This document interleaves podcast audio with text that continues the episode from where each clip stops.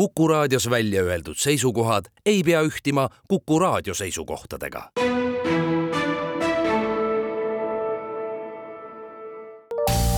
terviseks. Saadet toetab Lääne-Tallinna Keskhaigla, vaata ka keskhaigla.ee tere, head Kuku kuulajad, eetris on saade Terviseks ja me räägime täna leetritest. mina olen Ingela Virkus ja koos minuga on stuudios Lääne-Tallinna Keskhaigla nakkushaiguste arst Pille Märtin, tere! tere! terviseameti kodulehel on kirjas, et mitmed Euroopa riigid on teatanud leetrite juhtumite sagenemisest, põhjustades laiemat muret ka teistes riikides. ohustatud on ka Eesti, sest laste vaktsineerimine on viimastel aastatel langenud alla kriitilise taseme esiteks tuletame korraks kuulajatele meelde, mis asjad on üldse leetrid? leetrid on tavaliselt lapseeas põetav lööpärine nakkushaigus, mida tekitab leetriviirus ja enne, kui leetrite vastu hakati laialdasemalt vaktsineerima, oli, oli leetrite öö, levimus väga, väga suur, ehk siis seda põetigi lapseeas enam-vähem kõik lapsed põdesid läbi ja siis oli natuke aega vaikus ja rahu ja siis põeti jälle, et üks niisugune klassikaline lööbelistest nakkustest. me tunneme tänapäeval palju paremini tuulerõugeid ja võib-olla veel mõnda täpilist haigust, aga see on tänu vaktsineerimisele ja immuunkaitsele silma alt välja jäänud kui ma siin mainisin, et Terviseameti kodulehel on kirjas, et ohustatud on ka Eesti, siis kas Eesti on teie hinnangul ohustatud, et praegu vist on teada ainult üks juhtum, see on siis lasteaiakasvataja ja võib-olla keeruliseks teeb selle asjaolu see, et ta ei tea, et kust ta selle võis saada ja ta on ju tegelikult olnud ka vaktsineeritud ühe korra. nii, need andmed ütlevad meile, mis Terviseamet välja ütles, et tõenäoliselt on ta sellise sünniaastaga, kus siis juba lastele tehti üks doos ja, ja justkui on kaitse olemas ja tõepoolest ei ole teada, kust ta selle sai, et eelmisel aastal registreeritud neli juhtumit, mis Eestis siis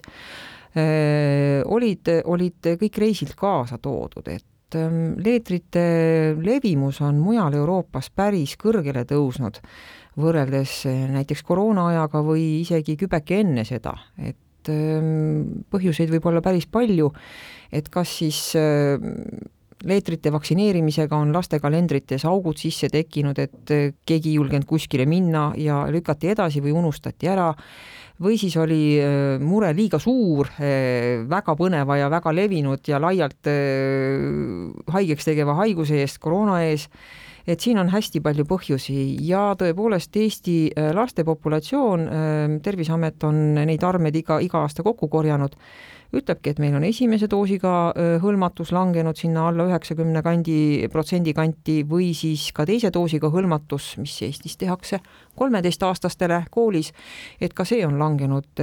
kaheksakümne protsendi kanti alla. et leetrite puhul, mis on nakkushaigustest kõige nakkavam haigus üldse, et no täiesti esikohal, teised on tükk maad tagapool, kõik ülejäänud viirushaigused ja ka bakterhaigused.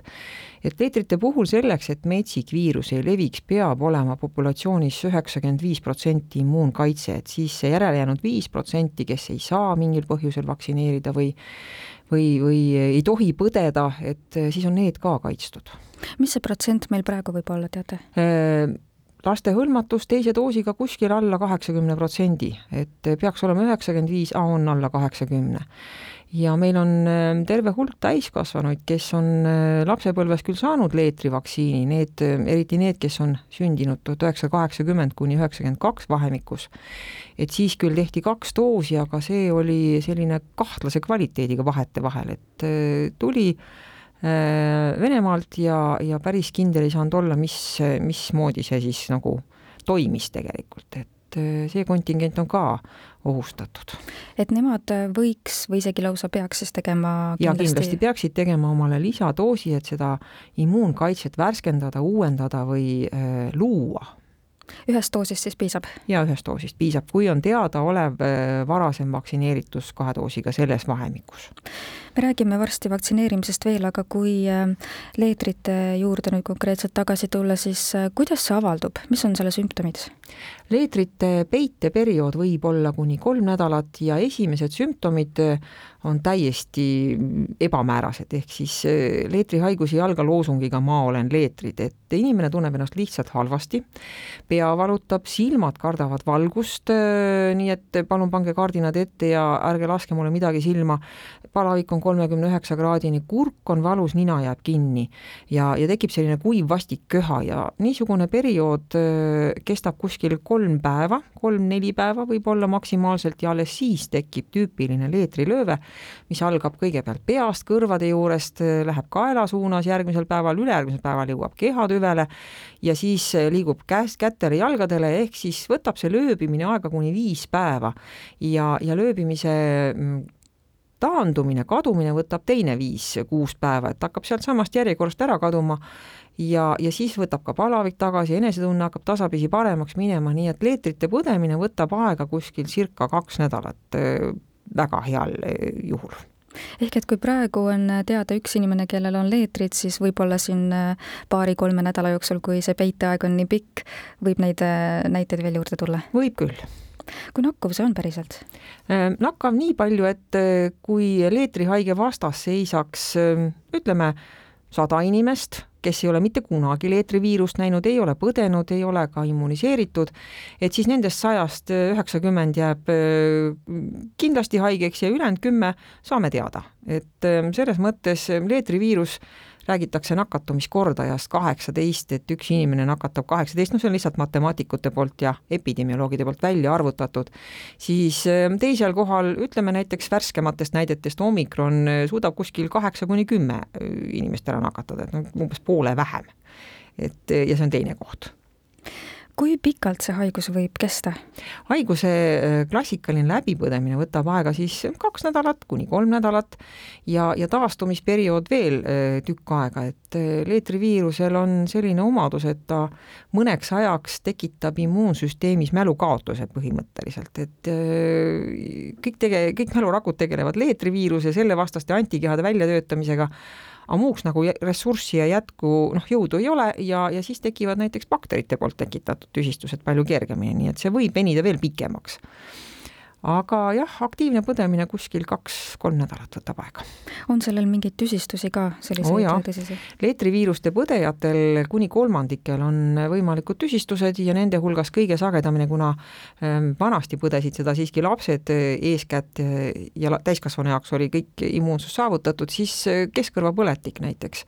või kõripõletik või siis alumiste hingamisteede põletik ja kopsupõletik sinna juurde, et need on kõige sagedasemad ja, ja nähtavamad ja ja siis äh, natuke vähem sagedasemad on näiteks leetriviiruse tekitatud ajukoepõletik, mis on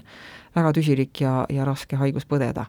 ja siis on kaugtüsistused, et äh, inimene saab justkui terveks ja umbes kuu aja pärast tekib uuesti äh, ajukoepõletiku sümptomaatika ja, ja siis väga halvasti põetav üleimmuunsüsteemi vahendatud äh, ajukoepõletik ja veel kaugem tüsistus, mis on veel harvem, aga siiski äh, võimalik, on kuskil seitsme kuni kümne aasta pärast taas tekkiv kesknärvisüsteemi kahjustusele äh, iseloomulik sümptomaatika ja sellest inimesed enam välja ei tule. aga see on haruldane. kui tõenäoline see on, et äh, nende tüsistusteni jõutakse, et, et me kuulajatega kahekümne viie tuhandele ütleb erinev kirjandusallika, et neid nähti palju sagedamini siis, kui leetreid oli umbes kümme tuhat juhtu aastas. et äh, praegu, kui me Eestis õnneks näeme neid üksikuid selliseid kümne kanti ja maksimum kahekümne kanti juhtumeid, et siis välistatud ei ole, et kuskil keegi nendest eh, selleni ka jõuab, aga tõenäosus on väike.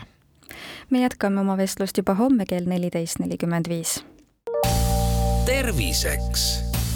saadet toetab Lääne-Tallinna Keskhaigla, vaata ka keskhaigla.ee